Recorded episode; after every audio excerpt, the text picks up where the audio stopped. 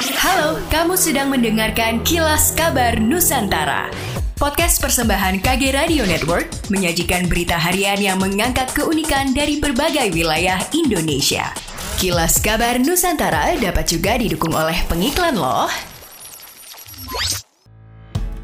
Rakyat Simpedas 2022 hadir kembali. Saksikanlah ragam kemeriahan dari tanggal 26 sampai 28 Agustus 2022 di lapangan Dadahi, Kota Tasikmalaya. Akan ada bazar dari ratusan UMKM unggulan mulai dari kuliner, fashion, craft, dan masih banyak lagi. Dimeriahkan oleh Slang, Ayu Ting Ting, Anji, dan Geisha, akan ada door prize motor yang siap menanti kamu.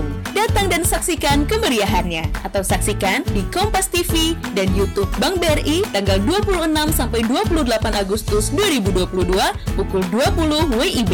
Info lebih lanjut cek Instagram BRI di @bankbri underscore ID.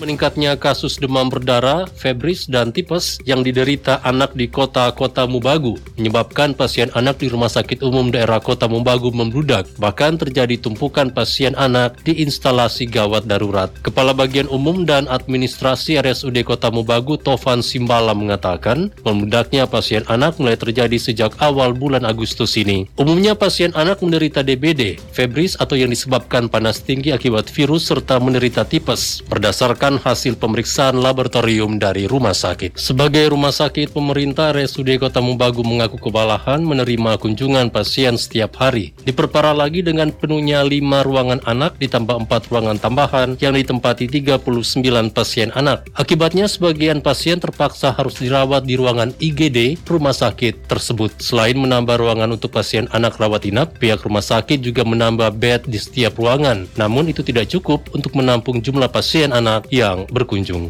Kepala Bidang Pencegahan dan Pengendalian Penyakit Dinas Kesehatan Sulawesi Selatan, Erwan Tri Sulistio mengatakan sampel dua pasien suspek cacar monyet di Makassar telah dikirim ke Litbangkes Jakarta. Kemungkinan pemeriksaan akan berlangsung selama dua hari bahkan bisa lebih tergantung seberapa banyak sampel yang diperiksa. Adapun untuk mengantisipasi Dinas Kesehatan meminta pihak keluarga melaporkan atau memeriksakan diri jika ada gejala ruam menyerupai cacar.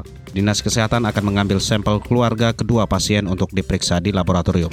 Ditemui secara terpisah, Sekretaris Daerah Sulawesi Selatan Abdul Haid Gani menyatakan pihaknya akan mengambil langkah preventif sambil menunggu informasi pengujian laboratorium. Menurutnya, Pemprov harus segera berkoordinasi dengan lintas sektor.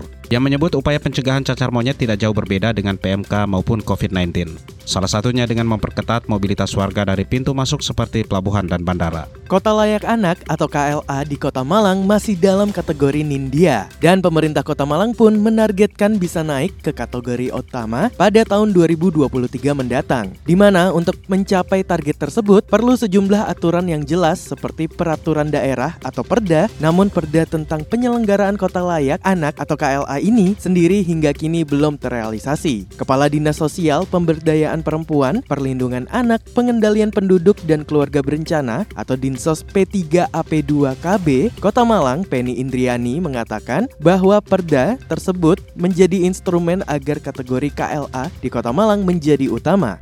Demikianlah kilas kabar Nusantara pagi ini.